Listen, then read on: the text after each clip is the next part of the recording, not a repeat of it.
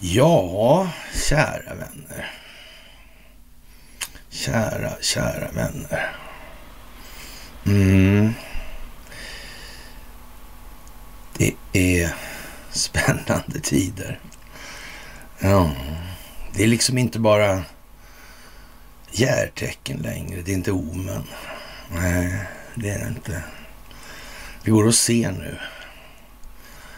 Optiken klarnar.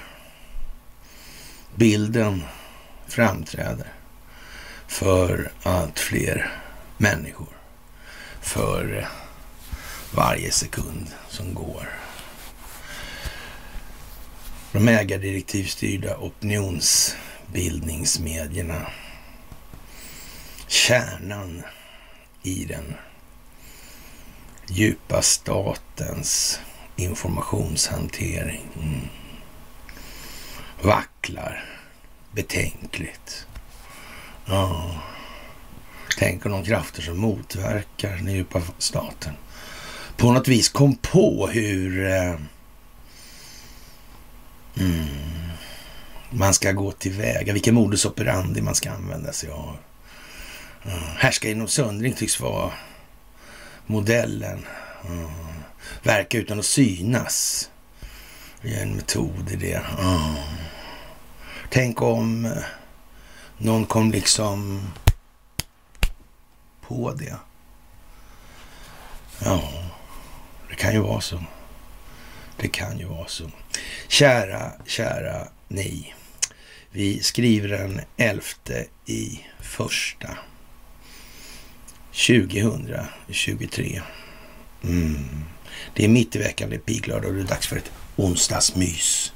Ja, det är ju något helt otroligt alltså. Och den här informationen som kommer ut nu i enorma mängder här. Den går ju liksom åt andra hållet på något vis för den djupa statens vidkommande. Det verkar riggat liksom på något vis. Det tycks ha varit i säck innan det kom i påse.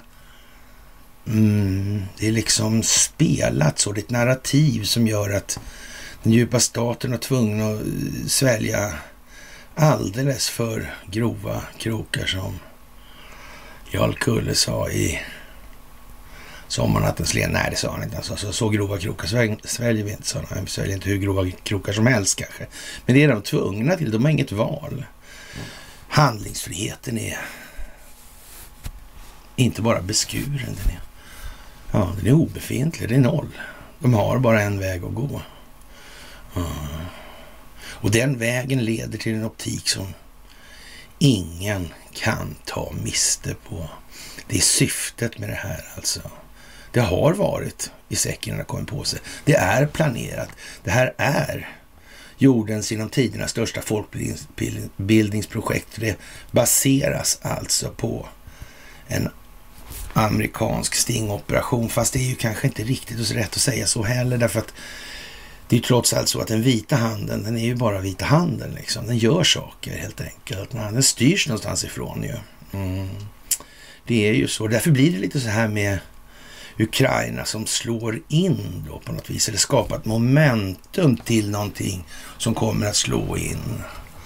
Ja, och det gäller ju att mätta den här förmågan till ja, motverkande insatser. Mm. Trovärdigheten för Ja, de ägardirektivstyrda opinionsbildningsmedierna. Hur ser den ut nu egentligen? Är det någonting att hänga i julgran? Är det om man jämför den med kanske för tre, fyra år sedan? Har det förändrats på något sätt? Ja, man skulle kunna säga så. Nu är det ju helt oseriöst alltså. I det närmaste. Mm. Det är ju liksom en, ett gycklarspel utan dess like. Ja. Det är ju det. Det är det som är så konstigt.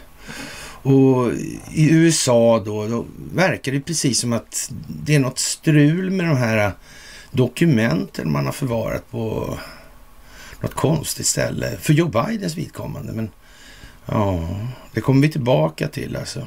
Och, och Donald Trump, han var ju president då. Mm, det var han ju. Och då fick man ju avklassificera när man var president. Men det var väl inte Joe Biden med sina handlingar, eller hur var det där? Nej, det var han ju inte. Nej, så det blir ju fel där då. På något vis. Ja.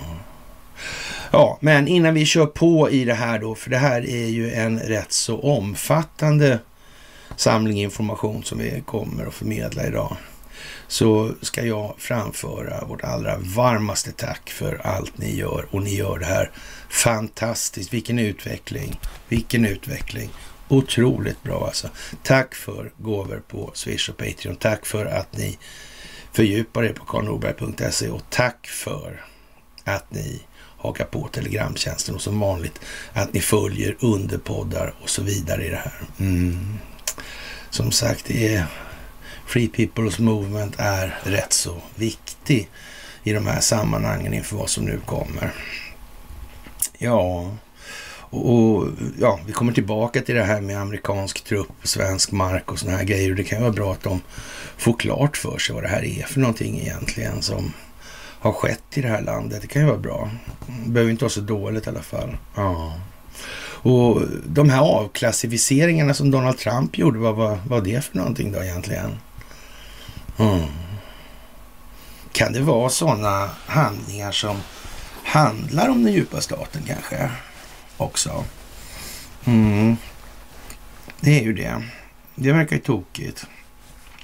Tänk om Donald Trump visste att eh, Joe Biden hade de här handlingarna eller städat undan dokumentation på något vis. Alltså i den meningen. För det är ingen som visste att de fanns där heller på något vis. Konstigt. Mm. Kan det ha någonting med det här geofencing-grejen att göra? Kan det ha det? Ja, ska inte utesluta det helt i alla fall. Och det kommer ju massor med information från alla olika möjliga håll nu. Alltså Durham och Twitter och de här undersökningarna som kongressen sätter igång där. Det verkar ju som sagt lite speciellt. Vi, ja, det här med eh, de där eftergifterna där och ja, 20 intressant datum alltså. Då har Joe Biden varit president i två år. Ja. Mm. Det är ju så också. Vi släpper inte det riktigt än alltså. Eh, det blir väl en omröstning då, en misstroendeomröstning kanske. Det blir väl nummer, nummer 16 då, om jag inte räknar fel då. Sen blir det väl kanske en till då i sådana fall, om det nu går den vägen. Men vi får väl se. Det borde ju vara en ganska god möjlighet nu att rättsväsendet, det amerikanska främst, tar sitt förnuft i fånga i den meningen. Det känns som att det ligger lite i tiden. Alltså vi har ju önskat, önskat oss det hela tiden. Skulle vi inte kunna få det så här på slutet när vi varit så flitiga och duktiga? Det blir vad som krävs helt enkelt. Det är så alltså. Mm. Är det så att det krävs att det blir på det ena eller andra sättet så då, då blir det så. Mm. Det är inte att missta sig på faktiskt. Det som nu har kommit fram är att Biden haft hemligstämplade dokument på sitt kontor i Washington DC under den tid han var vicepresident. I blygsamma sju år hade Biden olagligt hemligstämplade dokument på kontoret alltså. Och, och, ja, jag vet inte. Sålde han ut någon information kanske till, till någon sådär? Mm. Till den djupa staten i Kina kanske? Man vet ju inte det. Mm. Den djupa staten spelar ju inte med nationaliteter som lojalitet. De gör ju inte utan de spelar med enskilda vinstmaximeringssyften som grund för verksamheten. Det är lite olika det där. Mm. Det måste man också komma ihåg i det här läget. Det verkar som att innehållet såldes faktiskt för att Eh, ja, han fick eh, ganska raskt där då 54 miljoner dollar från Kina i samma veva. Och Ja, och de här dokumenten hittar man då när hans dåvarande kontor skulle städas ur. Och den 2 november fann man dokumenten men höll tyst om dem i, ja, över det här mellanårsvalet till och med. Ja, och, och, man har försökt vrida det här och vända på historien alltså, men man vill eh, få det till att det är precis som när Trump hade hemligstämplade dokument i sitt hem i Mar-a-Lago. Men eh, som sagt, en vicepresident har inte möjligheten att avklassificera någonting alls. Alltså, det är liksom själva kontentan i det här. En har gjort fel och en har inte gjort fel i det här. Mm. Och då blir det ju lite annat läge nu alltså. Och svenska medier sprattlar ju allt vad de kan nu för att försvara det här. Och, och det är också en sån här grej som, varför gör de det för? Varför säger de inte som det är för istället? Verkar det inte läge för det nu? Alltså för förhållandet till sak är ju vad det är och det är obestridligt. Det går inte att snacka om. Konstigt. Ja, det svenska folket verkar blåsta i arslet som lergökar alltså. Ja, det verkar inte bättre. Det verkar inte bättre. Och det blir ju inte lätt heller att släppa sina föreställningar i det här läget när man pantar in sig så ända in i helvete hårt alltså. Nej. Och de här trollen då som skickar alla lyckönskningar och välgångsönskningar och sådär. Uh, ja, det är klart att de lämnar en tämligen kall alltså. Det, det kan man väl säga så vid det här laget. Så det biter inte riktigt va. Men uh, man tänker ju ändå stilla sina... Alltså hur tänker de egentligen i det här? Det, det, är jättekonstigt alltså. Men, men, som sagt, är det för hårt pantat så är det för hårt pantat liksom.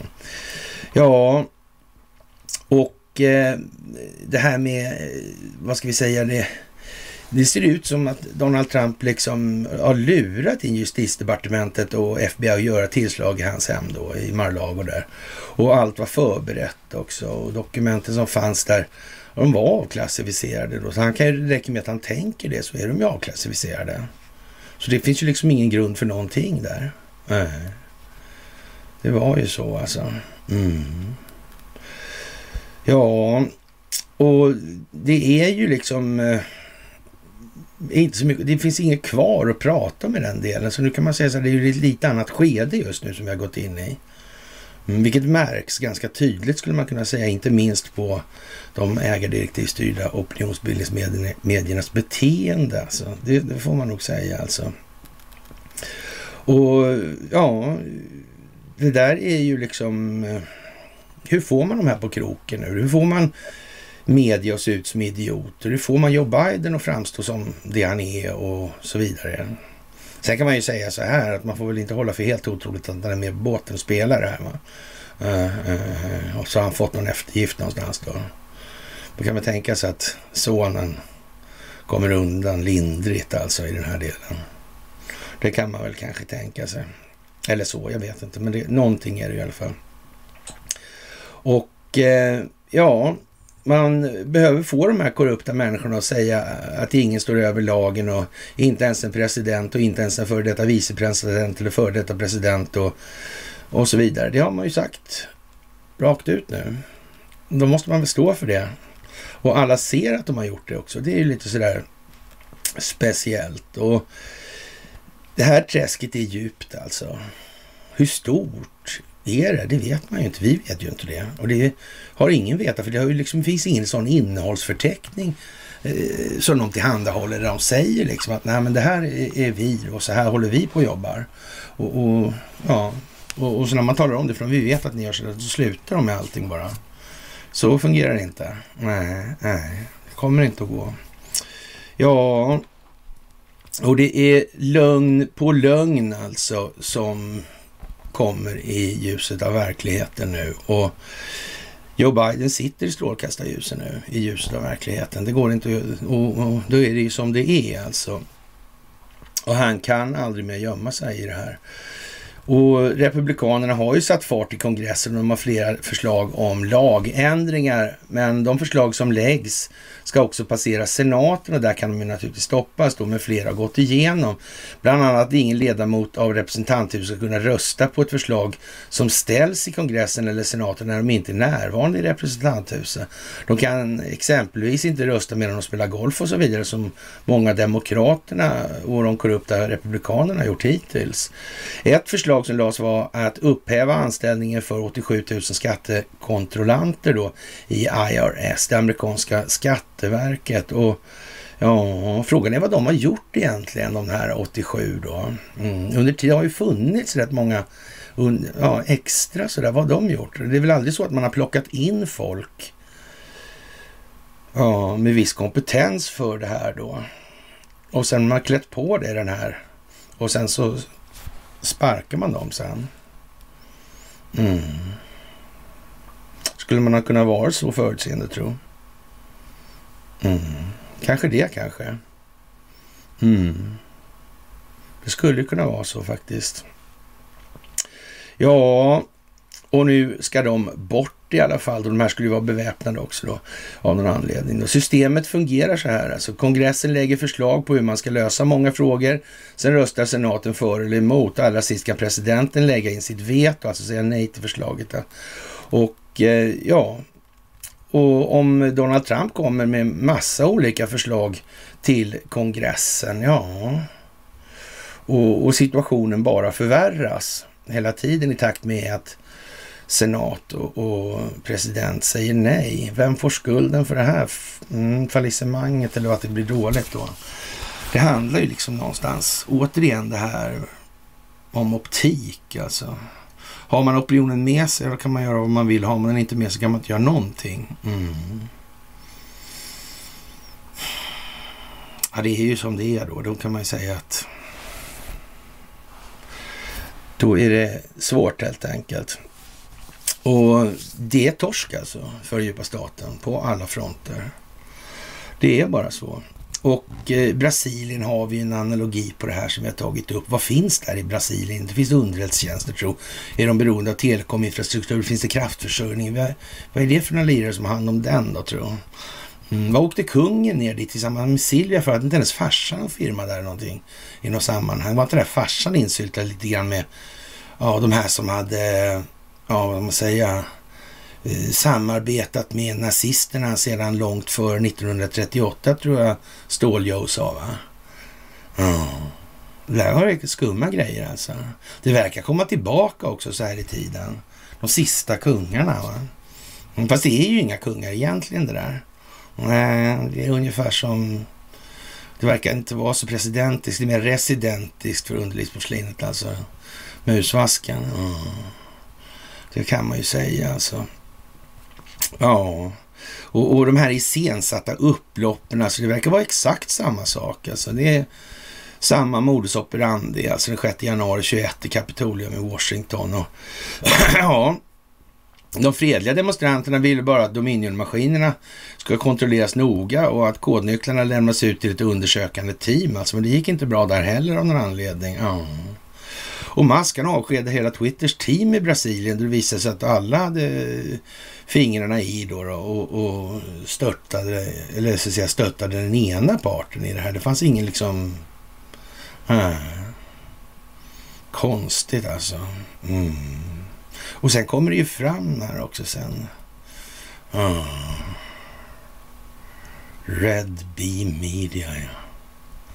Ja, just det, ja. Mm. Ja, det där är ju speciellt, det får man fan säga alltså. Och, och ja, det är ju lite tjusigt alltså. Och i Ukraina går det då riktigt, riktigt illa för den djupa staten just nu alltså. Och samarbetspartners med den ukrainska armén och neonazister alltså. Det är inte så pjåkigt jobbat alltså. Mm.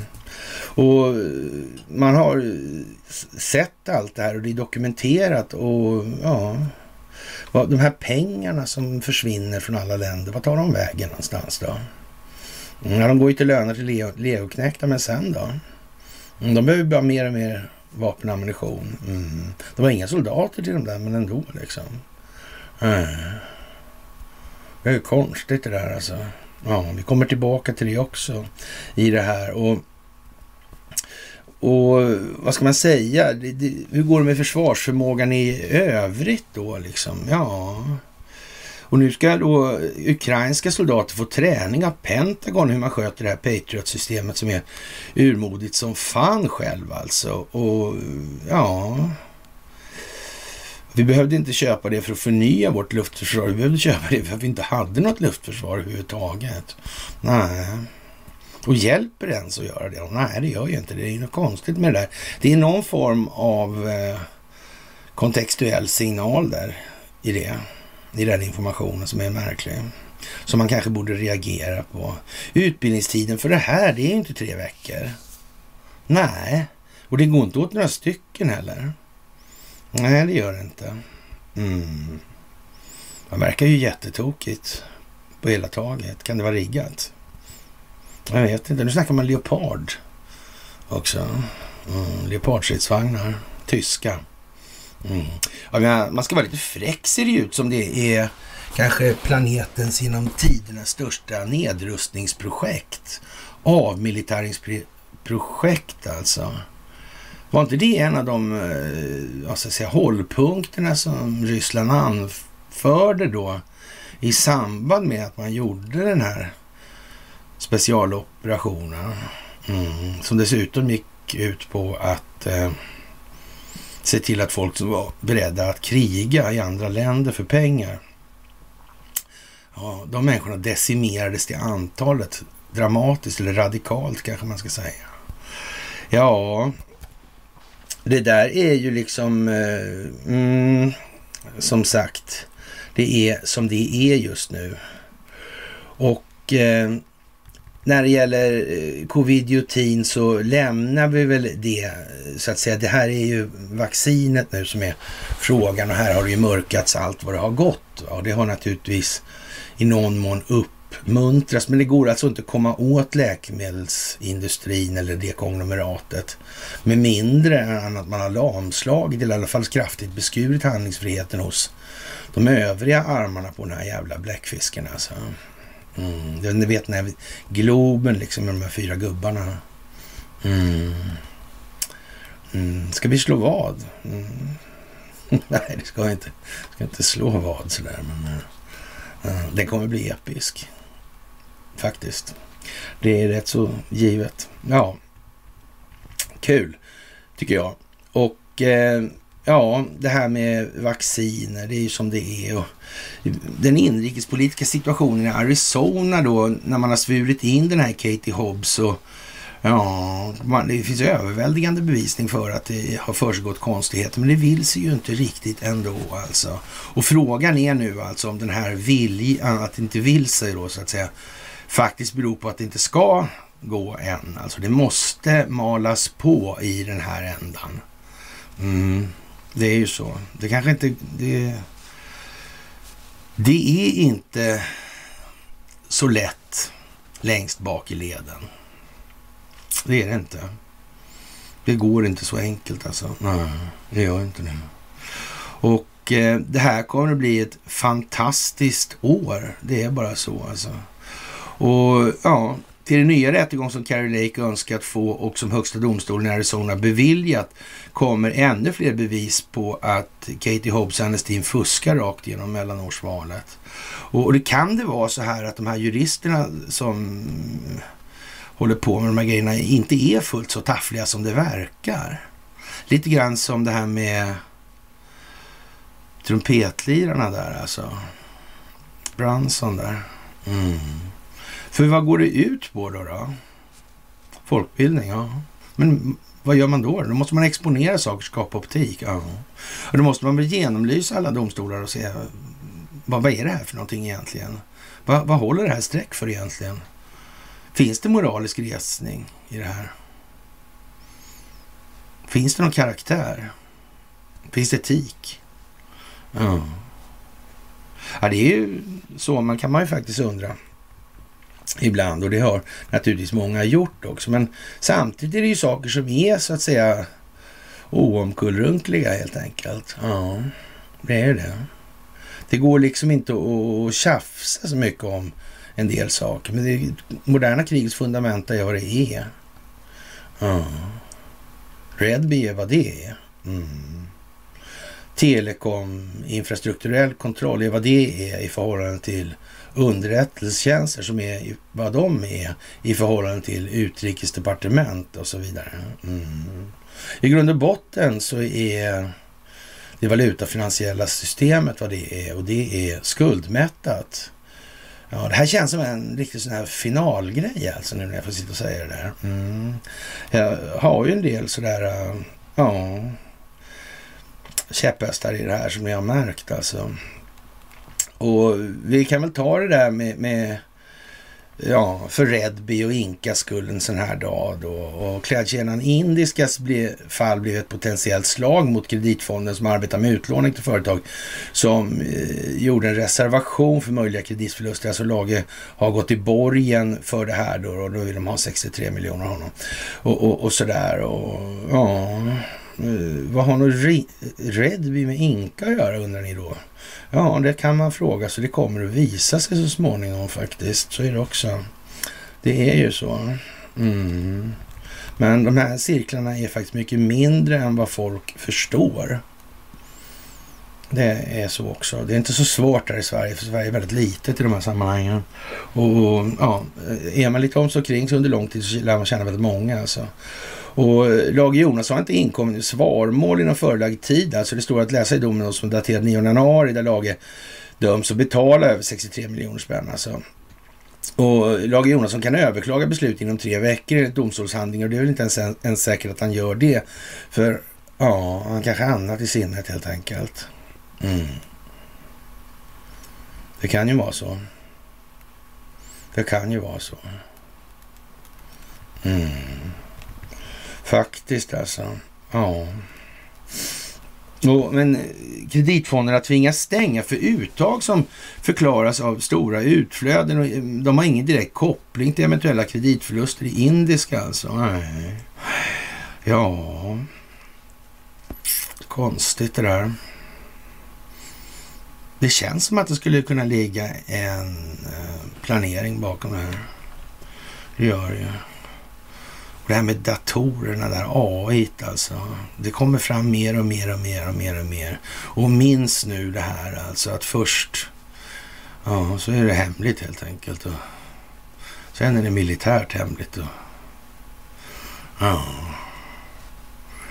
Sen blir det företagshemligheter och sen blir det ja, allmänt, allmängods alltså. Mm immaterialrätten, spelar den någon roll då? Det kan ju vara så. Det kan ju vara så.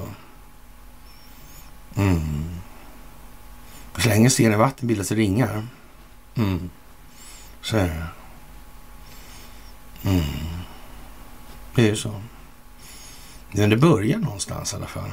Alltid. Det är ju så. Det börjar med en tanke. Mm. Den grundar sig faktiskt på en känsla. Trot eller ej alltså. Trot eller ej alltså. Ja, det där är ju lite, ja, udda. Eller? Ja. Flygstopp i hela USA efter datafel. Det verkar ju konstigt alltså. Vem kan ställa till sånt? Mm. Man kan säga, det skulle ju den som kontrollerar Ja, signalvägarna kanske. Transmissionen. Mm. Fast de är väl under lupp av... Är de till, under tillsyn? Va? Ja, det låter som det är en advokat som tittar på det där, va? så är det inget mer. Sen är det damernas fria åkning då, resten av tiden. Eller när, när han inte är där och tittar. Och det gör han ibland bara. Ja, ja, ja, ja. Ja, kanske det kanske. Eller kanske inte det kanske. Mm. Å andra sidan kan man säga så här. Ja, det är nog färdigt på det viset. Där, men nu är det ju mer säga, en tempoanpassning till utvecklingsklimatet i opinionen. Hur, hur långt har folk kommit? Hur mycket förstår folk just nu? Men nu är ju å andra sidan utvecklingstakten oerhört hög. Den har aldrig varit högre i människans historia. Mm. Samtidigt som det finns på vissa håll där det går trögare än någonsin också. Av förklarliga skäl och anledningar alltså. ja, det där är ju lite speciellt alltså. Får man säga en sån här dag. Lite spännande kanske. Och som sagt, domedagen är här, säger ingen mindre än Åsa-Nisse nu helt plötsligt. Och det låter ju inte precis som tidigare då i de här sammanhangen. Han har ju varit rätt noga med att inte svara mig överhuvudtaget på saker och ting. Men, men det, det, är ju det där med skuldmättnaden som skaver lite sådär i ja, skjortkragen helt enkelt. Och De svenska hushållen står alltså inför domedagen, säger Stefan Ingves i CNBC. Han tycker inte det som händer i svensk ekonomi just nu är överraskande med tanke på den dysfunktionella naturen i marknaden. Och det kan man ju säga. Det är klart att eh, ja, det blir ju dysfunktionellt om det finns en penningmarknad till exempel. Det råkar vara jordens största marknad. Och, ja, betalningsmedel i enskilt kontrollerad räntebelastad skuld och, och, ja, den här ackumulerade räntekostnaden är så stor så större delen av alla nya skapade pengar går till att försörja tidigare skapade pengars räntekostnad. Mm. Räntekostnadsförsörjningsbördan är för stor alltså och det bara växer. Man måste låna mer och mer för att klara av den växande räntebördan bara alltså. Mm. Ja.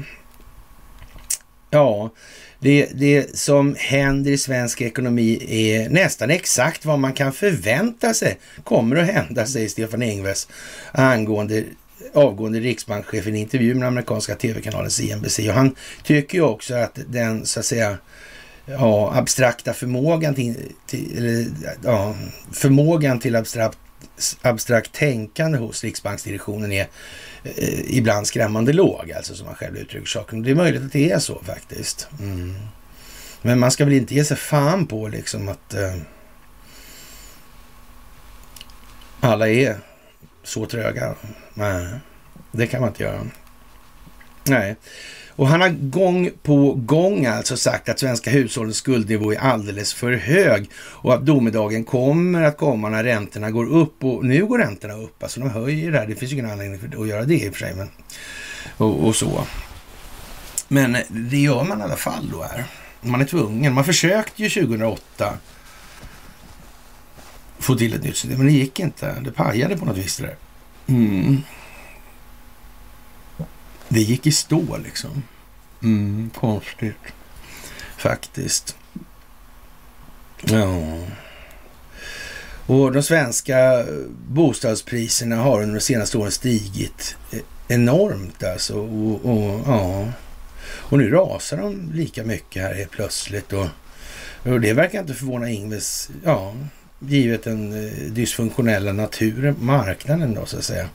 Stefan Ingves eh, meddelade i sin avgång en gång, då fick han den kurs han har hållit skarp den kurs han har hållit fick skarp kritik då från flera håll alltså. Ja, och han har väl i och för sig rätt då i det här att eh, Belackarna menar att Riksbankens räntepolitik de senaste tio åren har eldat på bostads och fastighetspriserna och drivit Stockholmsbörsen att bli en av världens snabbast växande och försvagat kronan alltså. Och, och ja, det är ju det där lilla dilemmat, alltså man kan ju inte säga allting. För då blir det fel alltså. Det, att det finns ett tillväxtkrav i ekonomin alltså på grund av räntekomponentens närvaro på ett enskilt kontrollerat Ja, skuldbaserat system alltså. Mm. Det blir liksom inget annat. Det går inte att göra någonting åt. Men de här, man kan inte säga alla delarna och, och allt som oftast glömmer folk bort en eller två detaljer i det här, de här förklaringarna när, när de kommer då, då. Den här bankprosan kommer. Mm. Som sagt, det är förtroendebranschen det handlar om. Det handlar inte om något annat. Äh. Och det kan man väl säga så här i den meningen så när jag brukar ju sitta och åma mig över att andra, eller övriga alternativrörelser, vad man nu ska kalla dem för, vad de nu ägnar sig åt, men, men inte alls adresserar den här typen av frågor. Det, det är ju... Mm, om det beror på den här bristande förmågan till abstraktionshöjder, va? Det, det, då är det ju så. Det vill inte gnälla så mycket på. Det är bara konstaterat faktum i så fall. Alltså. Mm. Men det görs inga försök heller i den meningen. Nej, utan det blir något sånt där, eh, man säger det kanske, det eh, fasansfulla ordet liksom. Ja. Så det är inte så mycket mer egentligen. Ja, det är trots allt tillväxtkravet som gör det här. Ja. Den här modellen på valutafinansiella systemet, det är ju liksom ingen nyhet. Det är löjligare än tulpanlökar helt enkelt. Det gick inte så bra 1345 där. Men sen blev det ju pest då såklart. Mm. Farsoter och, och Jonsson Grip blev rik helt enkelt. Mm. Just det, så var det också. Mm. Jag tänk så det kan bli alltså allting. Det är ju märkligt, tycker jag. Faktiskt inte alls. Nej. Och det är klart att det, ur Stefan Ingves perspektiv så är det ju behagligt då i alla fall att säga bara att ja, det är ju politikernas fel helt enkelt. Och, och ja, och det här med att det är ja, deflationsbaserad stagnation i realekonomin. Alltså, och, och pengarna flyter istället in i den finansiella delen av ekonomin, som alltså skapar en finansiell tillgångsprisinflation. Det är ju, ja, jag vet inte, jag har sagt det rätt många gånger tror jag. Mm. Men det, där, där stannar det liksom på något vis i, ja, antingen är jag då otroligt unik på att fatta det här eller också så är det nog inte så att de är så dumma i huvudet som de verkar alltså.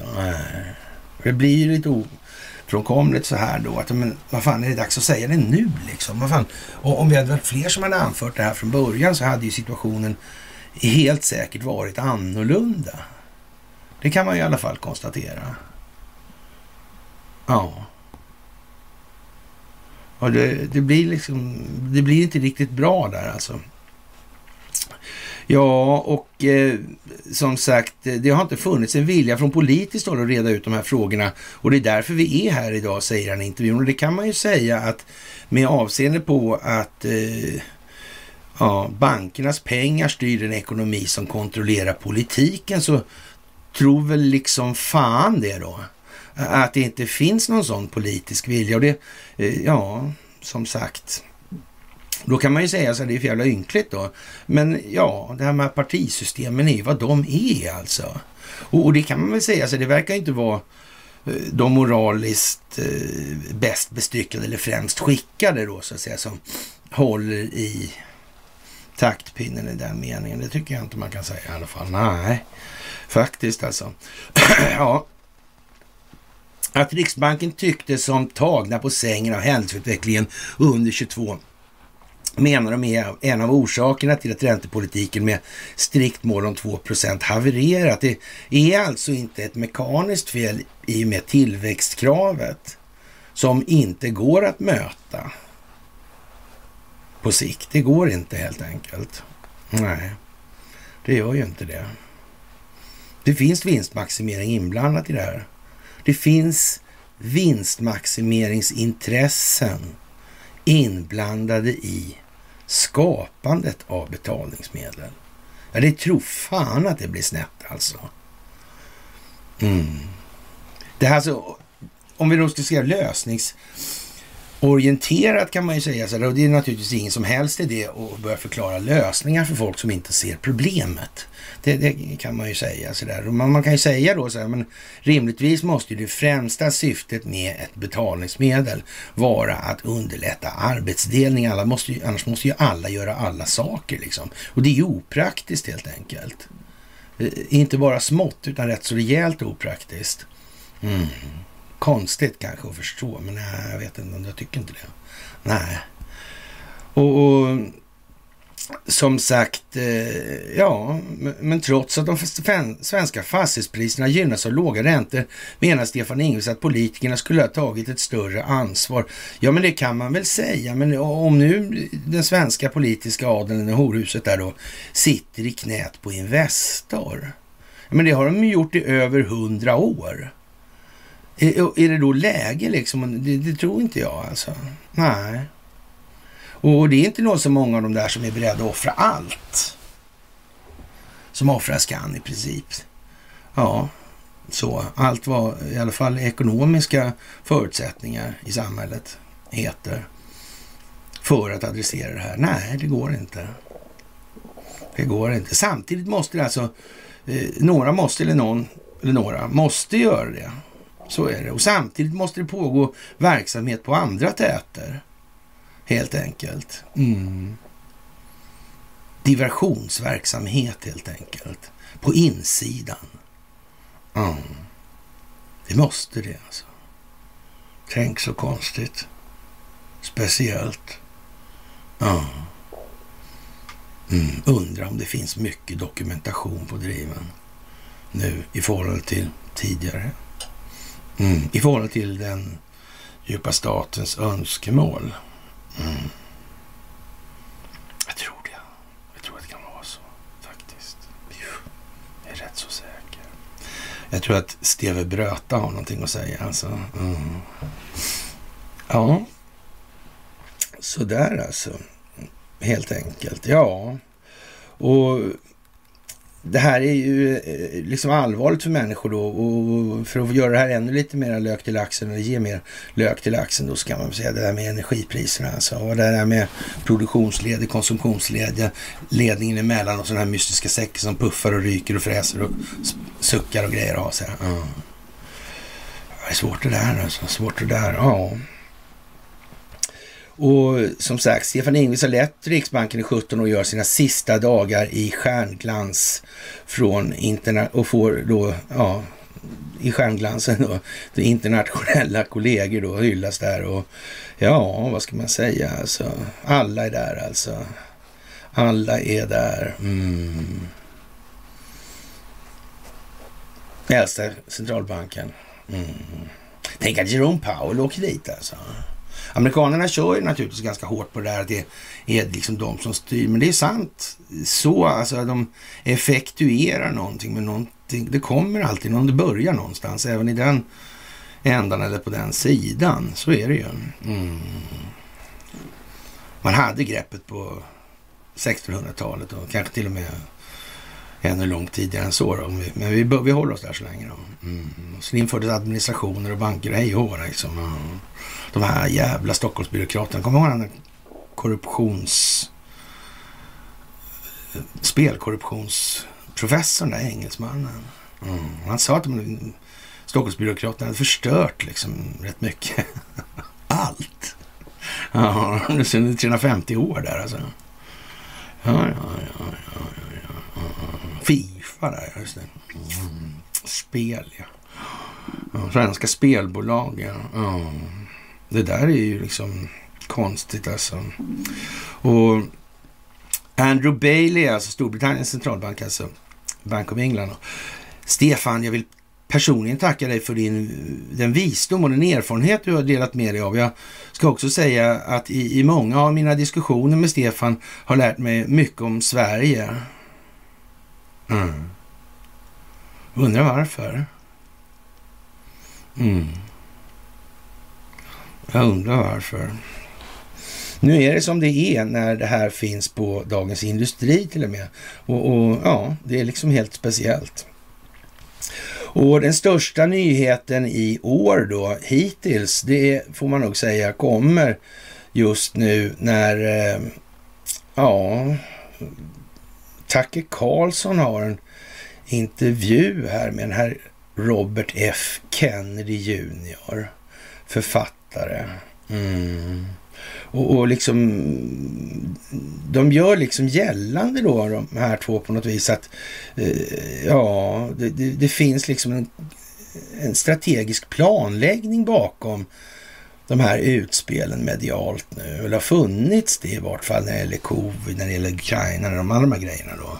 Och, och det är väl kanske inte så förvånande då om man vet att det moderna krigets beståndsdelar är, som, är vad de är och, och den största delen handlar om informationshantering. Så det är väl inte så jätteanmärkningsvärt på så vis i alla fall. Men, men eh, ja, den största nyheten i år, alltså det moderna krigets största del handlar det här om. Alltså. Och då undrar man ju lite som vän av ordning då, har de verkligen helt missat den här lilla detaljen med Red Bee Media då? Alltså, och, och, nej, det tror jag inte. De tar inte upp det här bara, men man får nog misstänka ändå alltså, att det har någonting med saken att göra. Borde det kunna ledas lite vidare om det råkar vara samma intressen bakom den amerikanska telekominfrastrukturen och stora delar av styrningen på kraftförsörjningen också. Då blir det nästan lite löjligt. va?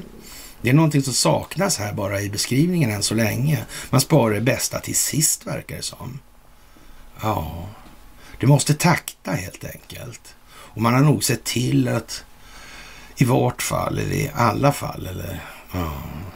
Sen 2016 har man helt jättesäkert varit medvetna om det här från Investors håll. Ja. Så är det ju. Mm. Och ja, vi får väl anta att eh, Steve Bröta är eh, väl insatt i många saker i det här och vi kan garantera att väldigt många människor kommer att bli väldigt förvånade över vilka som faktiskt känner varandra sedan gammalt i, i rader av olika eh, sammanhang, eller i alla fall ett antal stycken. Och kanske inte de man väntar sig främst då kanske. Och, och i förhållande till de nuvarande rollerna som de här människorna, de har ju gått sina vägar genom tillvaron över tid alltså. Mm. Och, och, då kan vi väl säga så här att vi vet ju i alla fall rätt så klockrent jävla assäkert att eh, mm, 93 är det nog säkert saker som händer tror jag. Och, och, vi är förresten rätt säkra på att det hände någonting vid början. För murens fall också var någonting konstigt också. Var det inte det? Mm, mm, just det. Just det. Och, och sen var det Estonia, sånt där också. Sen var det kreditavreglering. Det var attack mot fasta växelkursen också kanske. Mm. Det var liksom likviditetsbrist där någonstans i också. Mm. Man kan nästan se det rätt så tydligt nu. Faktiskt. Mm. Det är ju märkligt alltså. Ja. Och så vet man andra sidan hur det ser ut. Paggarna taggar snällt och glatt liksom. Lång lista. Har man inte sett på fan om det finns folk där som man tänkte så det kunde väl ha gett fan i den här. Är det då? Nej, nej då. Nej, då. Ja, ja, ja, ja, ja, ja, ja. Paggan han fick väl ja, lindrat något, jag vet inte. Red V Media i alla fall, tidigare Ericsson Broadcast and Media Services, EBMS, ett internationellt sändnings och medietjänstföretag, den största accessleverantören i Europa. Redby har sitt huvudkontor i London, England, med filialkontor i Glasgow, Cardiff, Media City UK i Salford och eh, Newcastle upon Tyne och internationella kontor i Australien, Frankrike, Spanien, Tyskland, Finland, Nederländerna, Sverige, Frankrike, Kanada, eh, ja, USA och Abu Dhabi. Det har 2500 anställda över hela världen och åtta mediahubbar som distribuerar över 2,7 miljoner timmars program varje år över hela världen. Det är ett helägt dotterbolag till Ericsson alltså. Och kunderna inkluderar tv-sändare som BBC, Kanal Plus, Channel 4, mm, eh, GB News, ITV, Sky, TV4, TV5 Mond, UK TV och varumärken som Barclays, Bacardi, Hyundai. Redby Media sänder över 500 ja, livestreaming-grejer på analog och digital mark digital satellit, kabel, webb och mobilt. Alltså bland annat alla inhemska BBC-kanaler förutom BBC Parliament vars produktion och uppspelning hanteras av Millibank Studios tillsammans med internationella kanaler inklusive BBC World News. BBC Worldwide och BBC Lifestyle och har närvaro i över 180 länder. Ringer ingen klocka där kanske? Nej. Ja, det finns fler som har sån här spridning i alla fall och det är ja, lustigt nog alltså. Det är moderbolaget alltså till det här. Ja, ja, men i alla fall då. Och då är det så här nu att med den här Kennedyn och med Tacke Karlsson att man kom fram till att eh, Trusted News Initiative var en hemlig kartell som involverade de stora äldre medieföretagen som Associated Press, Reuters, Washington Post, BBC och även de sociala medieplattformarna Microsoft, Google, Facebook och Twitter. Eh, jag tror att den mer, det mer motiverade syftet med kartellen förmodligen avslöjades i ett av de memo som vi har fått av BBC, vilket är att förstöra deras rivaler i oberoende media. BBC-memot säger till de andra grupperna, och det var BBC som är ett brittiskt regeringsägt nyhetsnätverk, ja, just det, men inte kontrollerat. Mm. Och det var de som orkestrerade det här hemliga samarbetet, det konkurrensbegränsande samarbetet. Då. Och, och, vad de sa är att även om vi skenbart alla är rivaler och konkurrenter med varandra kommer det existentiella hotet mot alla våra affärsmodeller från tusentals oberoende. Jaha. Ja, nyhetssajter som nu inte bara tillhandahåller allt det här innehållet som människor läser utan de minskar också förtroendet för våra organisationer och hur vi kan förstöra dem, kan kalla dem, eh, stämpla ut dem och kväva dem. Ja, men eh, i, i det här sammanhanget när det gäller då den största komponenten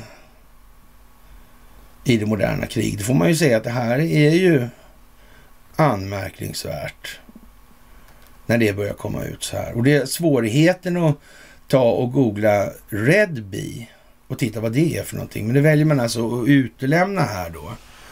Och, och, för då blir det alldeles för jävla uppenbart alltså. Det är inte moget för den. Då kommer det skena bli spretigt alltså. Förbandet måste röra sig i takt helt enkelt. Mm. Så är det. Det blir glapp annars. Och det är inte önskvärt just nu. Helt enkelt. Ja, och när Forum för levande historia utses till HBTQI, strategisk myndighet, så är väl det ungefär som att konstatera att, eh, ja, det är inte trovärdighetsskapande i någon enda mening. Nej, det är ju inte det. Det är ju inte det alltså. Mm. Det är ju inte det. Nej. Det här med själen, det här med självet. Mm. Självbildsrevision. Mm. Filosofisk materialism. Ja. Jag vet inte det här är någonting som regeringen har beslutat att Forum för levande historia ska bli en HBQ, HBTQI, strategisk myndighet.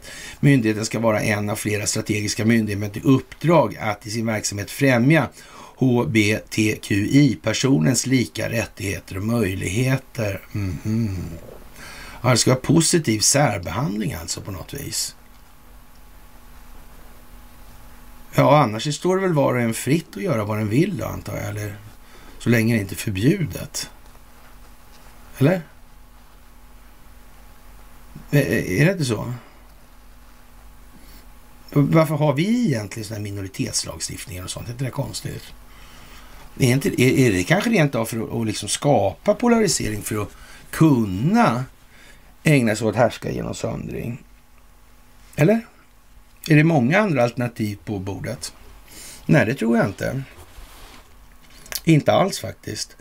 Ja, i uppdraget ingår att identifiera och redovisa utvecklingsbehov, mål och aktiviteter som myndigheten avser att genomföra under 23 till 25. Alltså vid genomförandet av uppdraget ska myndigheten föra en dialog och vid behov genomföra insatser tillsammans med andra strategiska myndigheter. Då. Myndigheterna ska även, myndigheten ska även inhämta kunskap och erfarenhet också. Se där ja från andra aktörer som besitter kompetens inom området, alltså exempelvis olika organisationer som företräder HBTQI-personers rättigheter. Ja, vad, vad är det som är egentligen vad är det för rättigheter?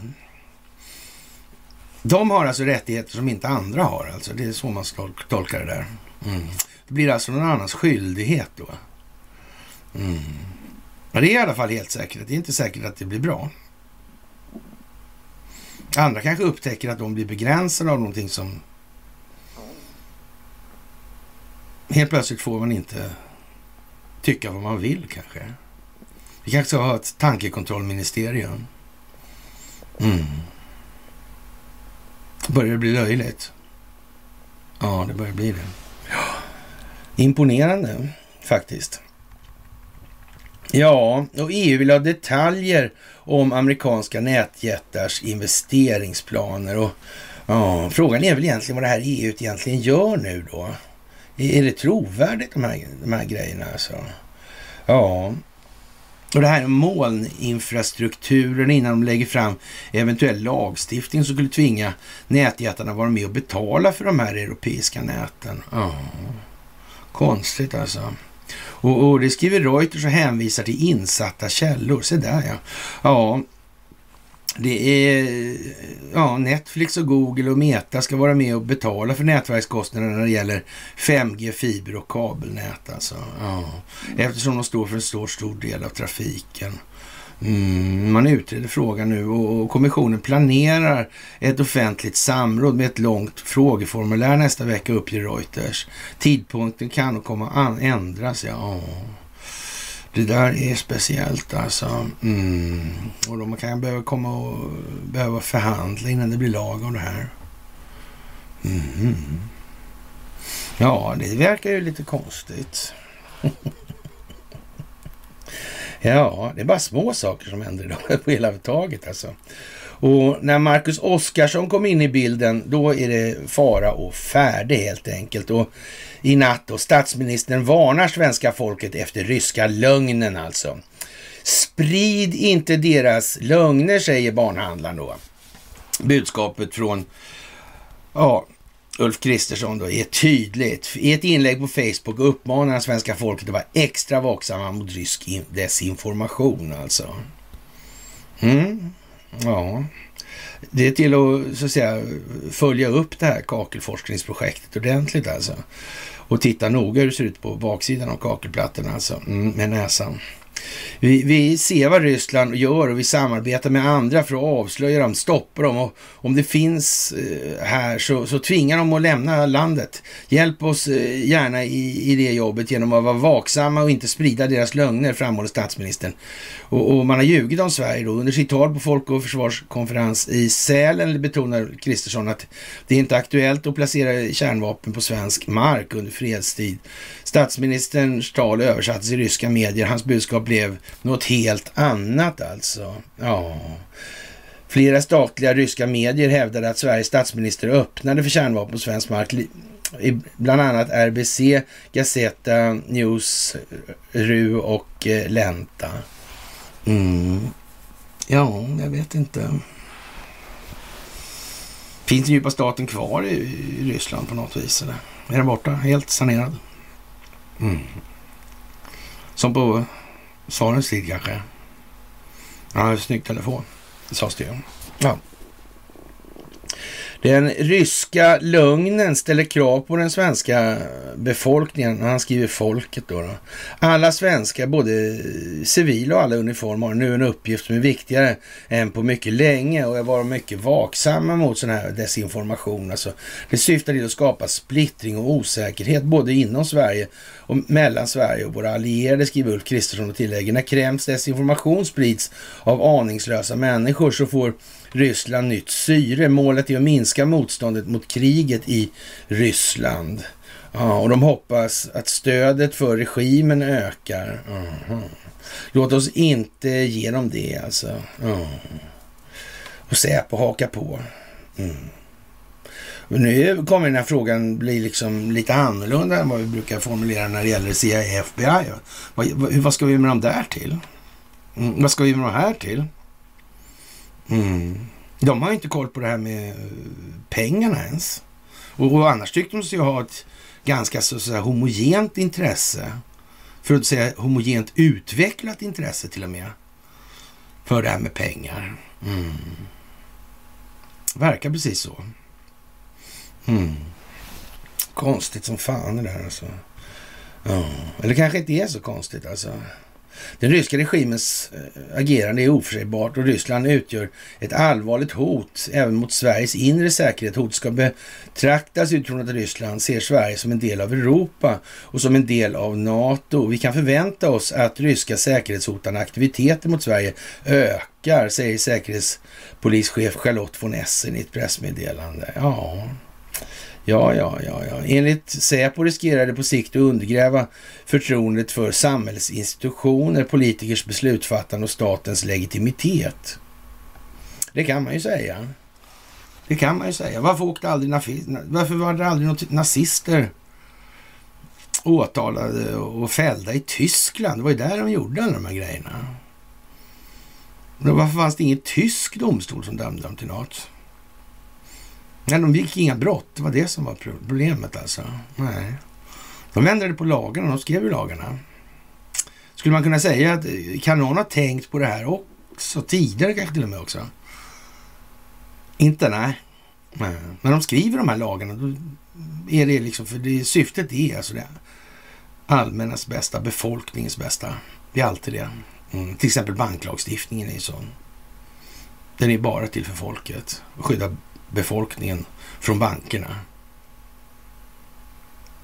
Ändå tycks det precis som att allt färre blir allt rikare på allt fler människors bekostnad. Men är det inte så då? Jo, jag tror det. Och hur kan det komma sig då? Om det är allas bästa det handlar om. Att de gör historiskt höga vinster till historiskt låga räntenivåer. Mm. Historiskt långa kredittider och en snart historiskt låg kreditvärdighet. Mm. Vad konstigt. Vad kan det bero på? Ja, jag vet inte. Ja, det, det kan eh, ja, uppstå den breda extremismen alltså. Och, och. Det här är en utveckling som spelar främmande makt i händerna och färre står upp för demokrati. Demokratin riskerar både motståndskraft och försvarsvilja minska, säger Charlotte von Essen som förmodligen inte är st någon större klippa på monetärmekanik alltså.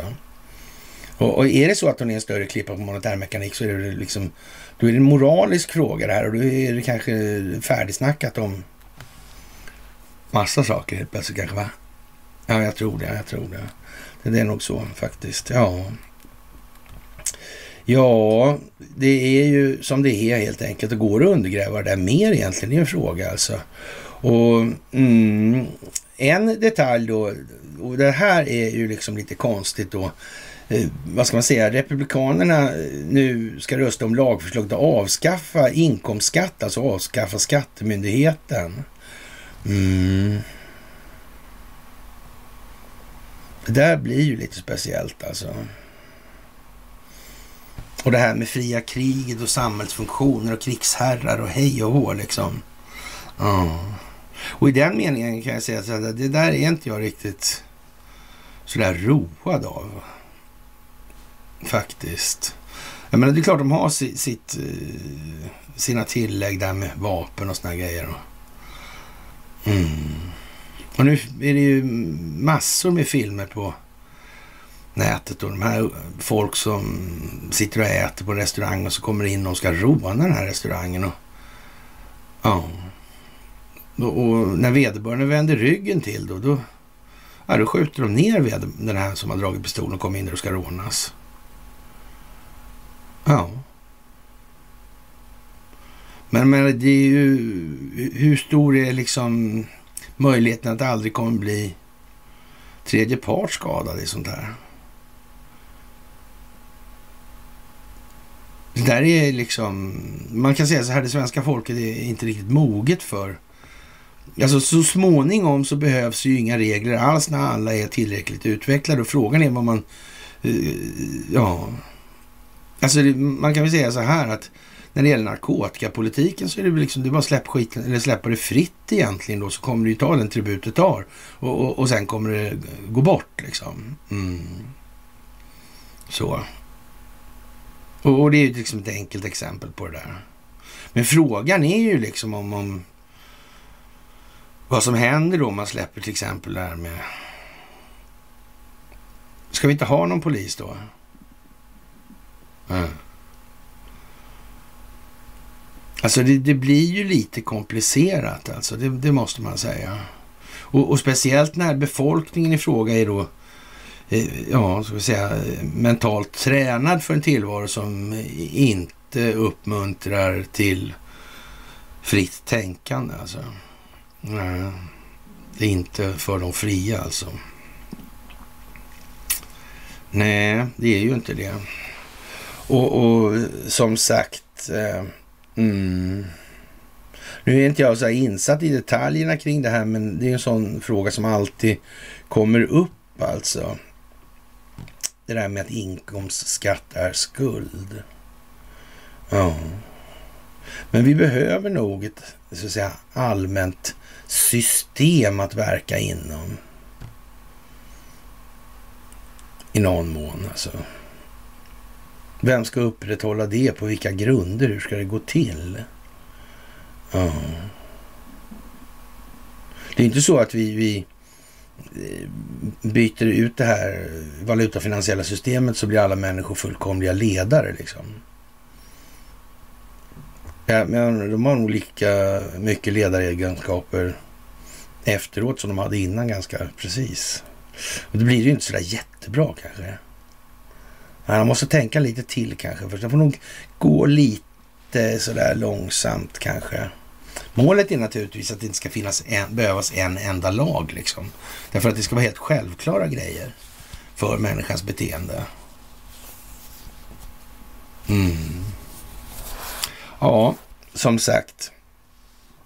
Det är eh, mycket som kommer att hända. Och det här med, med att inte... Man kan väl säga så att äganderätten, den försvarar de med våld, eller också finns den inte då. Mm. Det kan bli ett lite märkligt samhälle faktiskt. Sådär alltså. Ja. Ja. Det är försäljningsskatt då. Ja. Man tänker sig det ska ändå vara någon form av skatt då.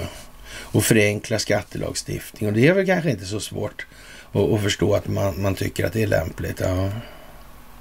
Men Sverige har ju liksom, vi är ju på, har vi inte ens miniorer intellektuellt i de sammanhangen när det gäller den delen. Alltså, här kan man säga att hagalenheten är rätt så stor och har tvingat fram upptäckten av att välståndet har offrats på den falska solidaritetens altare. Så illa är det ju liksom. Ja. Det är mycket som kommer helt enkelt, det kan man ju säga. Och som sagt, residenten han är där han är nu och det kommer inte bli något annat än vad det ska bli heller alltså. Och de här äh, grejerna då, de här nya resolutionsskapade kommittéerna som man eh, skapar i USA då. Mm. Vad, vad, vad har hänt i Kina egentligen och vad har Joe Biden gjort i de här sammanhangen? Vad har Hunter Biden gjort? Och, mm, det där är ju lite så speciellt alltså. Och, och, ja, det där får man nästan se eh, som jättespeciellt alltså. Ja, de här räden mot Mar-a-Lago och Hick, det är så massa saker som måste utredas. Det man kommer komma fram till att alltihop sitter ihop också. Det är ju jättekonstigt. Mm. Faktiskt. Allt är en konspiration skulle Kent Wern ha sagt. Eh, att det inte är då, nej. nej. Men det verkar som att rätt mycket är det faktiskt. Det är faktiskt så. Och ja, det här kommer nog bli rätt så speciellt alltså. Mm. Minst sagt. Så. Ja. Och allt fler biståndsorganisationer får sina bankkonton stängda alltså. Konstigt. Det har de använt dem där för penningtvätt man tror på något vis alltså. Mm. Är det kickbacks och sådana här grejer? Ja, jag vet inte. Inte skulle väl... Nej, absolut inte. Aldrig alltså. Ja. Ja, det finns en stor oro att bankerna helt ska sluta erbjuda vissa tjänster. Ja. Och kanske tvinga det. Kan det vara så? Mm. Det kan vara så faktiskt. Ja, biståndsorganisationer får allt svårare att överleva. Det är bland annat bankernas hårdnande krav som gör att flera tvingas stänga ner sina verksamheter eftersom man inte tillåter utlandstransaktioner och i många fall helt enkelt stänger ner bankkonton och gör betalningar till ett annat land. Alltså. Ja, jag vet inte. Anledningen anses vara att banken enligt lag är tvungen att åtgärda, åtgärda de här om det är penningtvätt och finansiering av terrorism. Alltså man måste ha god kännedom om sina kunder då enligt en granskning som magasinet Omvärlden gjorde. Mm. Ja, för det skulle ju aldrig vara så att Sverige håller på på det där viset och finansierar terrorism och sånt där. Nej. Nej men så alltså. Ja. Eh, ja, finansmarknadsminister Niklas Wykman menar själv att han har förståelse för bankernas förfarande och att det kan upplevas som frustrerande, men insinuerar samtidigt att man från regeringens håll inte ser det hela som ett allvarligt problem. Alltså, jag har full förståelse för att hushåll och företag kan uppleva det här som frustrerande, men å andra sidan kan vi, ska vi inte vara naiva inför de problem som vi har med organiserad brottslighet och det är ju helt sant alltså. Ja, det är helt sant. Mm. Fast det är inte, problemet är ju liksom inte på den nivån liksom. Den sitter liksom lite ovanför på direktörsplanet om vi säger. Mm. Men det kanske inte är mycket man vet riktigt. Nej. Nej, han kanske inte gör det. Nej. nej. Ja, ja. Och som sagt, eh, utlånade pengar borta Mangold stäms på 10 miljoner. Det är som det är liksom. Och, och om man ska få reda på allt det här. Om man ska reda ut det. Man ska utkräva ansvar. Mm. Det ska hålla rättsligt. Processuellt. Mm. Ja. Det finns det lite att göra helt enkelt. Ja, man kan få hicka för mindre helt enkelt. Jaha, och eh, som sagt, det här med att eh, mm, göra den federala regeringen till ett verktyg för den djupa staten, alltså enskilda vinstmaximeringsintressen. Det. Sådär alltså. Sådär helt enkelt. Ja, en betydligt farligare tid väntar. Det är Carl Bildt som tycker till här och ja, som sagt, det är inte ens värt att... Jag tog upp den idag för sakens skull alltså. Mm, man ska ju få säga sitt, men det gör han också. Knappast av egen vilja om vi säger som så. Då. Så det är väl inte mycket, det kan vi ju bespara oss faktiskt tycker jag. Och det här med att finansiera terrorism, det är ju som sagt, men det är klart att då slår ju de här organisationerna som, som har sin eh, mening eller sitt syfte eh, att polarisera då alltså. Mm. Då finns ju de. Och för att det ska bli så så måste det ju finnas sådana organisationer. Och då måste man ju finansiera dem också. Mm. Därför är det svårt liksom att... Ja. Det är ofta... Alltså, SKMA till exempel. Svenska kommittén mot antisemitism. Alltså. Mm. Den kan ju inte existera om det inte fanns några antisemiter. Det måste ju finnas antisemiter också då. Mm. Är det inte speciellt? Jo. Men det är ju inga nyheter på det viset. Där de flesta börjar ju faktiskt ja, känna igen den här melodin så fort de ser den alltså. Och Ikea tjänar storkovan fortfarande i Ryssland. Och där är det det här Inka som är i farten igen alltså. Mm, de Padel-Inka. Mm. Det är mycket märkligt det där alltså. Måste man ju säga. Mm. De som inte svarar på tilltal heller. Så märkligt, så märkligt alltså. Ja, det får man ju säga alltså. Udda kanske rent utav. Och det stora problemet idag, eller den här, ja idag är det väl, eller igår kanske möjligen också då, är att eh, ja, Biden var vicepresident och inte president. Och med rätt att avklassificera alltså. Sen gömde han bort en massa dokument också. Ja, som kommer visa på ännu mer korruptiska affärer. Mm. Ja, det är banditism kan man säga. Han är överraskad alltså för det här. Jo då. Så. Ja. Och vi kopplar väl tillbaka lite på, på ja, så att säga, hans majonnäs honungens tyska madame där då. Ja, sen långt före sa ju Stalin där och samarbetade med nazisterna alltså. Före 38 då. Mm. SVTs dokumentärserie Sveriges sista kungar har hunnit väcka mycket diskussion innan den ens visats i tv-tablån.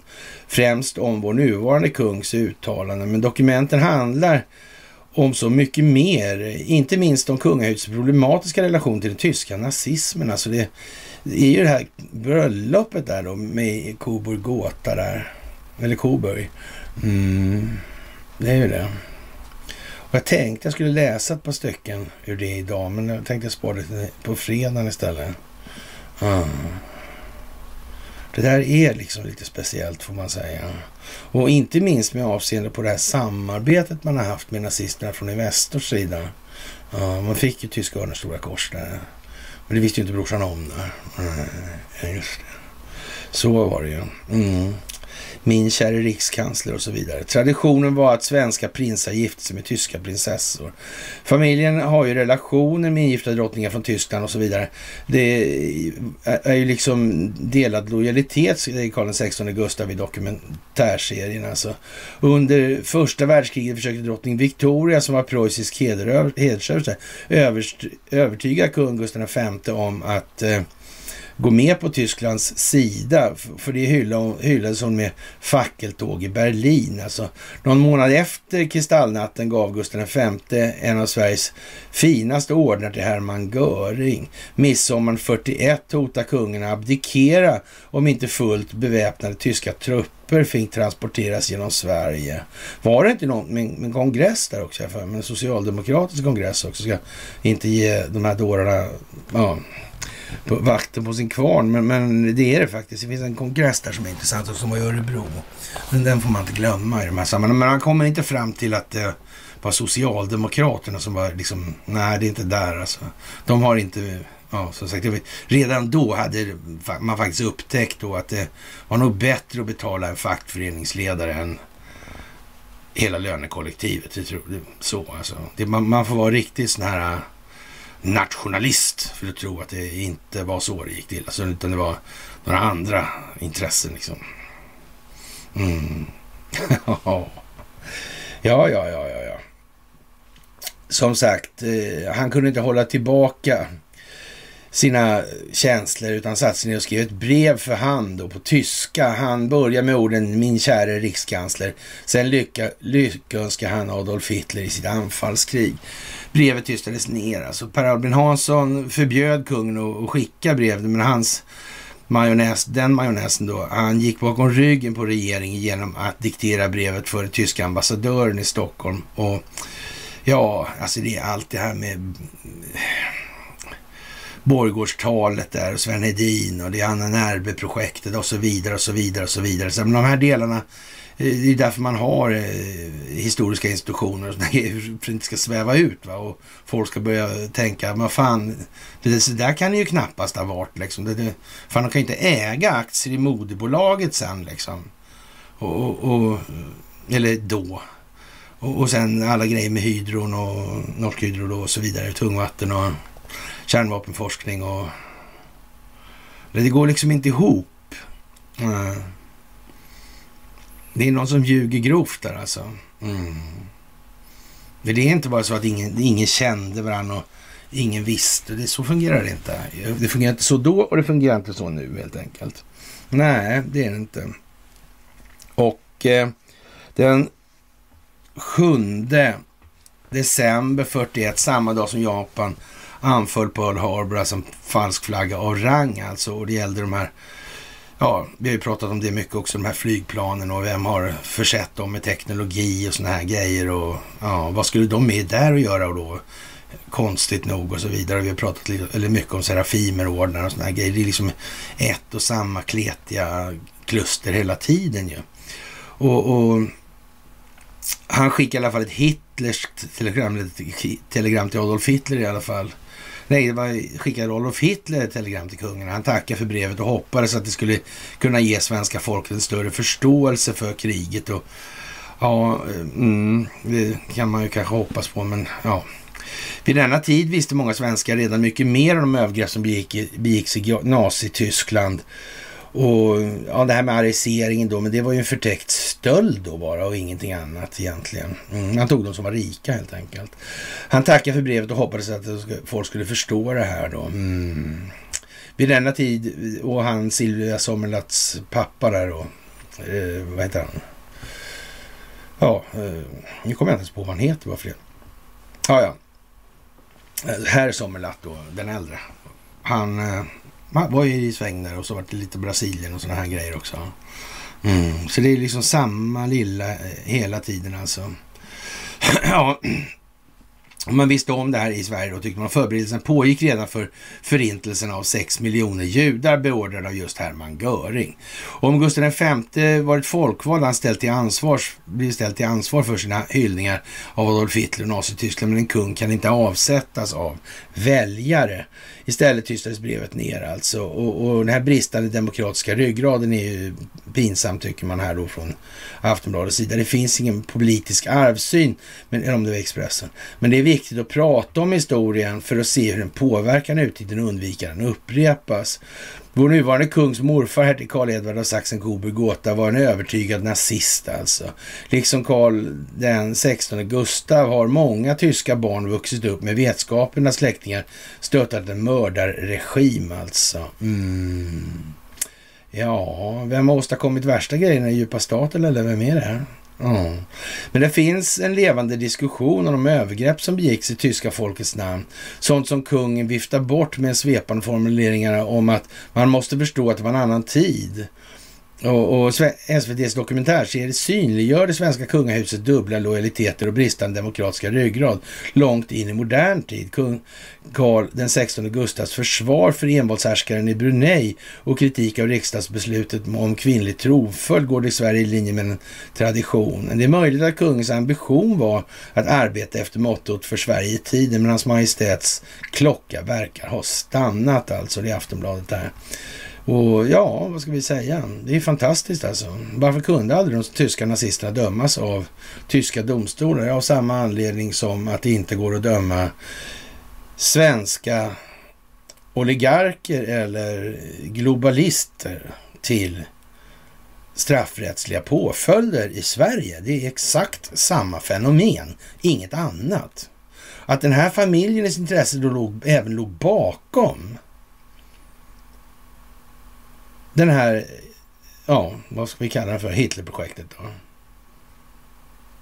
Jag menar, man fick väl inte tyska örnens stora kors utan att ha gjort något ändå, som med, med Henry Ford och gänget. Det var, så var det väl ändå inte.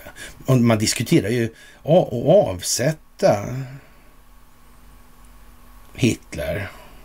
Walter Sommerlath heter han förresten. Silvias pappa. Mm. Slipper jag dåligt samvete för jag inte sa det direkt. Mm. Ja, han diskuterar för att avsätta Hitler med Himmler via den här Hewitt från amerikanska Swedish Match som han kom i besittning av 1932. Den, ja, i och för sig inte, inte 12 mars direkt, men det, det gick ju väldigt tämligen fort i alla fall. Mm. MTG, det var Stenbeck, ja. Mm. 93. Ja, ja, ja, ja. Jag inte Anders Borg där också tror jag. Mm, men han kanske var lite klumpig, jag vet inte. Ja, Julius Rosenberg och Etel Rosenberg. Ja, det där var ju konstigt. Ja. Det där är ju lite konstigt. Julius och Etel Rosenberg. Ja. ja. Som sagt, eh, ja, spionera för Sovjetunionen och som, ja, och värdefull ja, kärnvapendesign. Ja. Mm. ja, man blir liksom han, eh, vad heter han, kommissarie Dreyfus, vad heter han som i kom, eh, Rosa Panterna? Ja. Det där är ju, är ju lite sådär, och, och ja, men de, ja, ja, ja, ja, ja. De blev dödade också, ja. Mm. Men det är lite olika variationer också på det här med makarna Rosenberg också. Mm. Tänk vilka typer. Annars hade det inte blivit någon kärnvapenverksamhet i Sovjetunionen.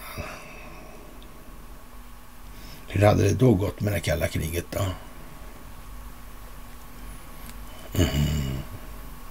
Ah, man slog två. Ah, det var judar också. Det var judarnas fel alltså. Nej, men då fick de den också. Aha. Så, ah, ja, två stycken flugor på smällen på en gång alltså. Mm. Ja, ja. är det billigt eller? Jo, men jag tycker det är billigt. Jag tycker det är helt hopplöst billigt alltså. Och med, antalet, med avseende på antalet gånger vi har så att säga diskuterat de här frågorna så känns det ju liksom inte eh, speciellt bra alltså. Och hemligstämplade dokument försvarades i strid med regelverk på Joe Bidens kontor och det är en pinsam historia för presidenten, säger Karin Eriksson i Dagens Nyheter idag. Och, och ja, det, det där man försöker vrida till det. Man glömmer ju den där detaljen att han fick inte ha dem där ändå alltså. Och Donald Trump fick ha sina papper där bäst fan han ville. Det är två helt olika förutsättningar i det här alltså. Och ja, vad, kan Wolfgang Hansson skriker lungorna utsågs naturligtvis. Och jag vet inte, den som föredrar satiren, ja, jag vet inte. Man kan ju skoja bort det här om man vill, men jag är säker på att det här kommer inte gå att skoja bort. Inte en jävla chans helt enkelt. Och det går dåligt för ryssarna nere i, i Ukraina nu då, för rysk artillerield har minskat dramatiskt. Men om man har vunnit, ökar den då eller? Det kan inte bero på det kanske. Utan, ja, jag vet inte. Det, det här är ju liksom, och, och sen är det Paasikivi dessutom då. Och, och, det är sinande förråd eller de har bytt taktik kanske, tycker man. Ja, jag vet inte. Kan det bli så jävla mycket dummare nu? Mm. Det kan, måste nog det tyvärr. Det kommer att bli det också. Sådär. Men vi kan hava förtröstan just nu. Eh, Svenskan har en artikel idag också, en, andlig, en adlig köttmarknad, därför, lock, därför lockar det elitklubbar. Det är faktiskt lite bra det här. Det är självbildsrevisionsdags både här och var alltså. Och, och det är ju klart att, eh, ja, ska man säga alltså. Det, olika klubbar och erbjuder olika saker alltså. Ja, en medlemskap i klubb handlar till stor del om identitet och livsstil. Ja. Mm. Självbilden någonstans har med det där att göra. Mm. Man kan säga så här att själva behovet av det där. liksom, Nå. Pilutta. ja, men lite så då. Eller hur? Det där, det där är ju liksom lite bra och, och det kan man säga så att det är inte, det är ju inget långt resonemang så det klarar de flesta av att förstå faktiskt. Så där, varför blir man medlem? Jag tror lite det beror på vad, man, vad det är för klubb. Alltså, ja, ja. Två stora anledningar är eh, vilka erbjudanden respektive klubb har alltså. what's in it for me alltså. Och, och, kan jag känna tillhörighet med varumärket och övriga medlemmar, säger experten Per Nilsson då.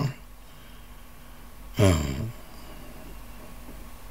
Är, är, det, är det bra grej det här att bygga ett samhälle på överhuvudtaget? Alltså, det är klart att...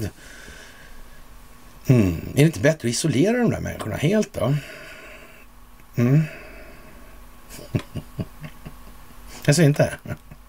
Nej, nej, okej, okej, okej, okej. Ja, ja, ja.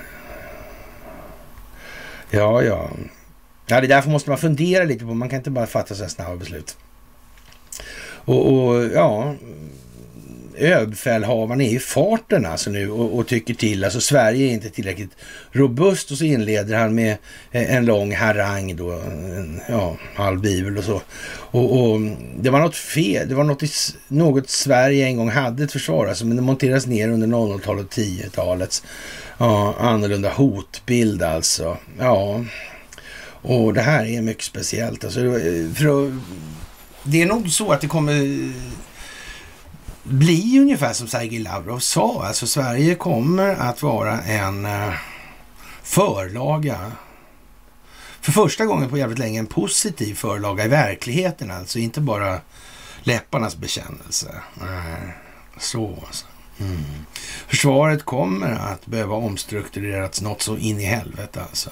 Och man kan väl säga så här, det, det är väl ingenting som länder officerskåren i sig till heder att inte ha om man nu ska vara politiskt engagerad och tycka till i politiska frågor, ja, då får man ju liksom stå för det nu också. Ja, så är det ju. Vimsa i Pride-tåg och annat. Man kan säga som Douglas McGregor, han är ju klart medveten om vad han ställde till med i Serbien, men det var ju inte så att han, alltså han är opolitisk då, så han gjorde som han blev tillsagd, så lydde order liksom. Mm. Det är därför militären ska vara opolitisk. Mm.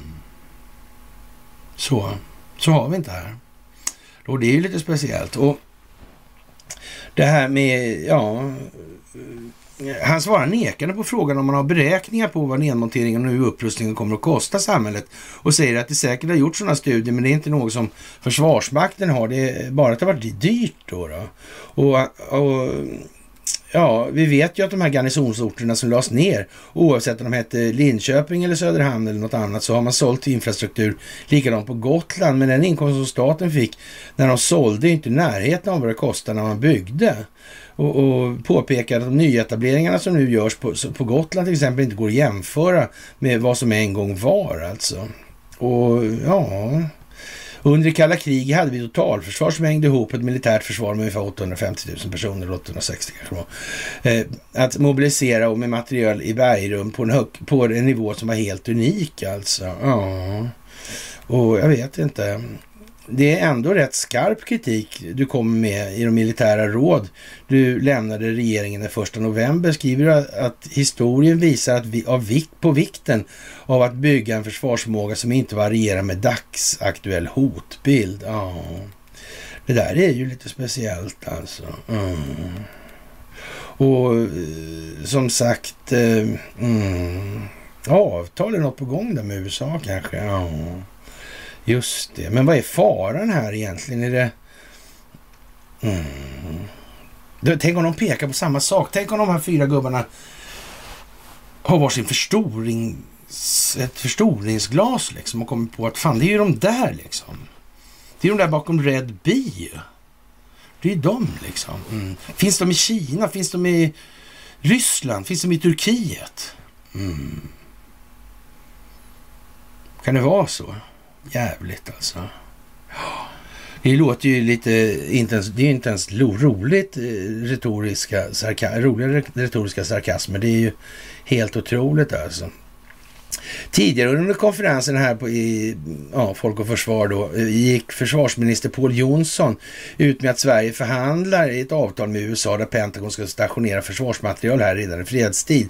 Allt för att underlätta och snabba på responsen i händelse av krig.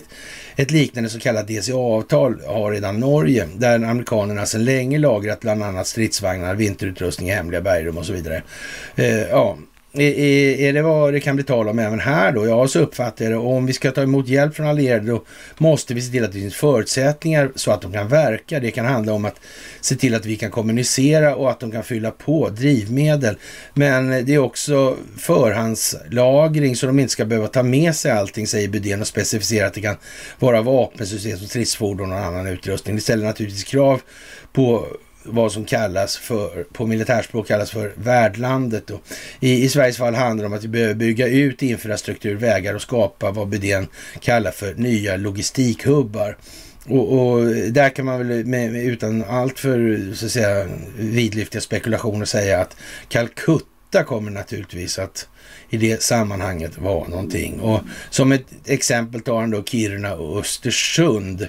Även om flera andra orter kan bli aktuella. Det blir krig och amerikansk trupp kommer hit. Sjövägen anländer de troligast till svenska västkusten eller Narvik och Trondheim, Norge alltså. Mm. Ja, då behöver vi se till att de kan ta sig vidare till exempel Kiruna och Östersund alltså. Ja. Man menar du bygga massa nya vägar? Nej, men vi, vi ska ha koll på de vi har och hur tunga fordon som kan färdas där och det kan behövas uppställningsplatser för fordon, laddningsplatser och kaserner för soldater vid de här logistikhubbarna. Det låter ändå kostsamt. Pratar vi miljarder och vem ska stå för det här? Och det kan man det kan mycket väl vara så att det är dyrt. Alltså det är stora investeringar men det behöver inte vara miljarder. Alltså, men vi pratar inte om några miljoner i alla fall. Så, uh. Antingen får vi ekonomi för det så prioriterar vi bort något annat. Alltså. Mm. Uh. Men vi kanske inte ska ha liksom den här inriktningen riktigt på verksamheten. Nej, kanske inte alltså. Ja, och att flera hundra försvars och säkerhetspolis, det här är hon Hultén va? Eh, Therese Hultén tror jag det eh, Och säkerhetspolitiskt intresserade människor möts under några intensiva dagar på så lite nytt speciellt. En namnkunnig journalist som är med för första gången säger att en kväll, en kväll att det råder hallelujastämning, att det inte finns någon debatt och att alla medverkande springer åt samma håll. Jaha. Känslan av väckelsemöte är något överdriven, men det, det är är som, det är helt uppenbart att det finns stor krismedvetenhet och att de flesta ja, är överens helt enkelt. Den politiska viljan att få tillbaka ett starkt totalförsvar är tydlig, åtminstone på nationell nivå. Men Bydén konstaterar att hela samhället behöver genomsyras av större beredskap ner till minsta kommun. En viktig lärdom från Ukraina är att det behövs tydliga planer på hur man ska agera när elen slagits ut eller när andra samhällsviktiga funktioner ligger nere och det enda sättet att kommunicera med papper och penna. Sveriges överbefälhavare svarar på frågorna efter exempel och säger att det är en viktig del av hans uppdrag att kommunicera sin bild av läget. Kanske inte, ja det kan man ju säga att det är. Men hur ser han på situationen? Känner han ibland oro likt vi andra? Jag oroar mig inte för min organisation, jag vet vad vi kan, men privat kan jag gå och fundera på strömningar, vad är på väg någonstans? Och jag oroas över vad som händer om vi i väst inte håller ihop. Ja, det är oerhört viktigt att vi står enade vid Ukrainas sida. Mm. mm. Mm. Så man kan säga att eh, det får anses som tämligen utrett då och klarlagt att det kommer bli omvälvande förändringar för Försvarsmakten. Det är helt säkert alltså. ja, jag vet inte. Det, ja, eh, Sabaton kan bli av med priset som årets folkbildare helt plötsligt. Mm, de tyckte fel i Ukraina-frågan. Jaha. Ja. Ja. Konstigt. Mm. Hon lurat de här voffarna. Mm. Sen kom de på att fan det kan ju innehålla mer det här. Då åker ju vi och Forum för levande historia. Åt helvete. Ja, ja, jag vet inte. Faktiskt, det kan ju vara så. Ja. Ja, och man har i Expressen eh, talar man om journalisternas roll i det här och jag, jag vet ju att några är, är, är, liksom de är bara dumma liksom och, och, och så vidare men det, det, det hjälper ju inte så att säga. För alltså har man så begränsad förmåga till abstrakt, abstrakt tänkande som man inte kan se vad det här handlar om. Ja, då ska man nog inte försöka göra sig till tolk för de eventuellt föreliggande större tankarna eller de med högre höjd. Alltså det, det verkar bara dumt. Alltså. Det verkar bara tokigt. Helt enkelt. Ja, och som sagt det här med Anders Adolf Retzius och, och skallmätningarna och de här grejerna. Det är ju lite sådär speciellt alltså. Ja. Det är ju speciellt alltså. Mm. Och den här Larsmor och så vidare. Mm. Ja, som sagt. Det är ju rätt mycket saker helt enkelt just nu. Det kan vi väl säga ändå alltså. Utan att överdriva helt enkelt. Och eh, ja, det går ju undan. Det går nog undan och så in i helvete nu alltså. Och ja, folk och försvar där och mm, sossarna eller SSU va? Tyckte att Jakob skulle slänga in en slant. Ja. ja, man vet ju inte. Man vet ju inte. Mm. Ja, det är mycket som är på G alltså. McCarthy försöker göra sig av med Swalwell, Adam Schiff och Ilan Omar från kommittéerna. Mm. Ja, det är nog lika bra ja. Mm. Han kommer nog vara ganska flitig på sin post i alla fall. Det, det, det, tror jag nog faktiskt. Och det här med att utbilda ukrainare i Oklahoma, det är ju som sagt, det är vad det är helt enkelt. Och FBI och CIA kommer att bli utredda av den här republikanska kongressen. Mm. Ja, det är väl inte så lite. Det är väl rätt så rejält skulle jag säga. Skulle jag faktiskt, ja, på, jag påstå i det här läget. Och ja, vi kan väl eh, säga något ord till om att ÖB ser risk för storkrig alltså. Ja, jag vet inte. Det är hög tid att vakna upp, alltså, säger den här. Mm. När ÖB säger så, är det liksom... Vad säger de andra? De stamanställda? Alltså de på aktiv stat alltså. Vad säger de? Mm. Man kan säga så här att det är inte mycket till ryggrad. Mm. Det är det som han Douglas McGregor sa. Man, hur ofta ser man en fyrstjärnig general egentligen som ställer sig upp och säger nej, det här går inte jag med på. Alltså, det här är helt i strid mot mina moraliska principer. Jag kan inte ställa upp på det här. Mm. Är det någon som ens skulle föreställa sig att en svensk... Oh, det finns inte ens en svensk överste löjtnant som skulle göra det. Nej. Några bygdemajorer finns det väl kanske som har funnits som, som har gjort så, men inte mer. Det tror jag inte. Nej. Det där med urvalsbefordran och så vidare. Mm. Ja, det är speciellt alltså. Det är speciellt. Det måste jag säga. Och det här är fantastiskt speciellt att få göra det här tillsammans med er. Det kan jag säga. Det är någonting som, ja, tänk att få uppleva det här. Det är och se det här, den här utvecklingen och amerikanska bojkotten av svenska banker. Men SEB skonas, det är väl en ganska tjusig grej i alla fall. Ah.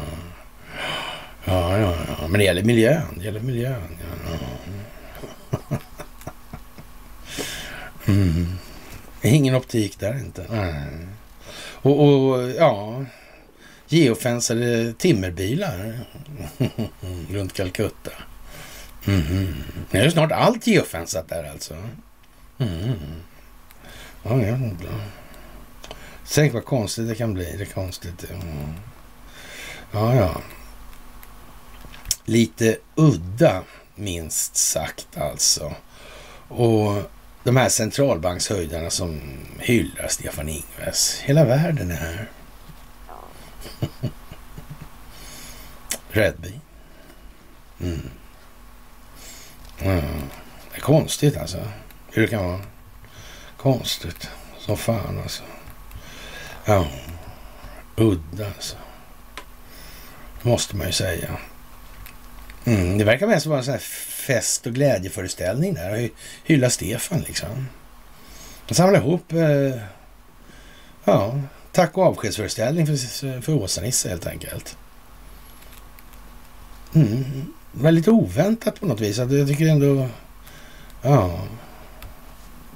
Märkligt alltså. Mm. Ja, kära ni, vi kan väl eh, ja, konstatera stabila utdelningsaktier i dagens PS. Ja. Mm. Det är inte mycket som pekar i en annan riktning än den helt klart tidigare postulerade. Mm. Det är nog räknat ingenting. Mm. Som sagt, det är alltid mycket speciellt. Och mm, det här med islamiseringen. Det är ju märkligt att man, man i, i då, man tar då ett land som ska vara den hårdaste diktaturen i de sammanhangen. Det får företrädesvis anses vara då Saudiarabien. Då. Där håller man på med ja, någon form av Ja, vad heter det där egentligen, det där ordet? Mm, sekularisering kanske?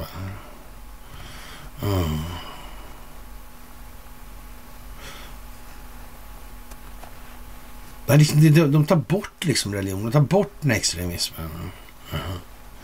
Mm. Det är konstigt. Och här blir det bara värre. Ja. Konstigt. Mm, mm, mycket speciellt. Vem var det som startade det där och så vidare och så vidare på 20-talet? Och så vidare. Sådär. Och, och ja, Gripen nobbas av Kanada. Mm. Det verkar gå smått för svensk flygplansindustri. Ja. Det där är ju som sagt elpriset alltså. Väldigt, väldigt konstigt tycker jag. Ja. Sagan om Putins ringa jämförs med Sauron. Ja, kan man säga. Ja, jag vet inte. Ja, fantastiskt måste jag säga. Det kommer att bli en dramatik som inte liknar någonting som vi har sett maken till. Faktiskt. Och jag är så tacksam över att få göra det här tillsammans med er. Och med det kära vänner så tackar vi för det här onsdagsmyset och sen hörs vi alltså senast på fredag då. Mm. Så får ni ha en så väldigt trevlig piglördagskväll. Tjena!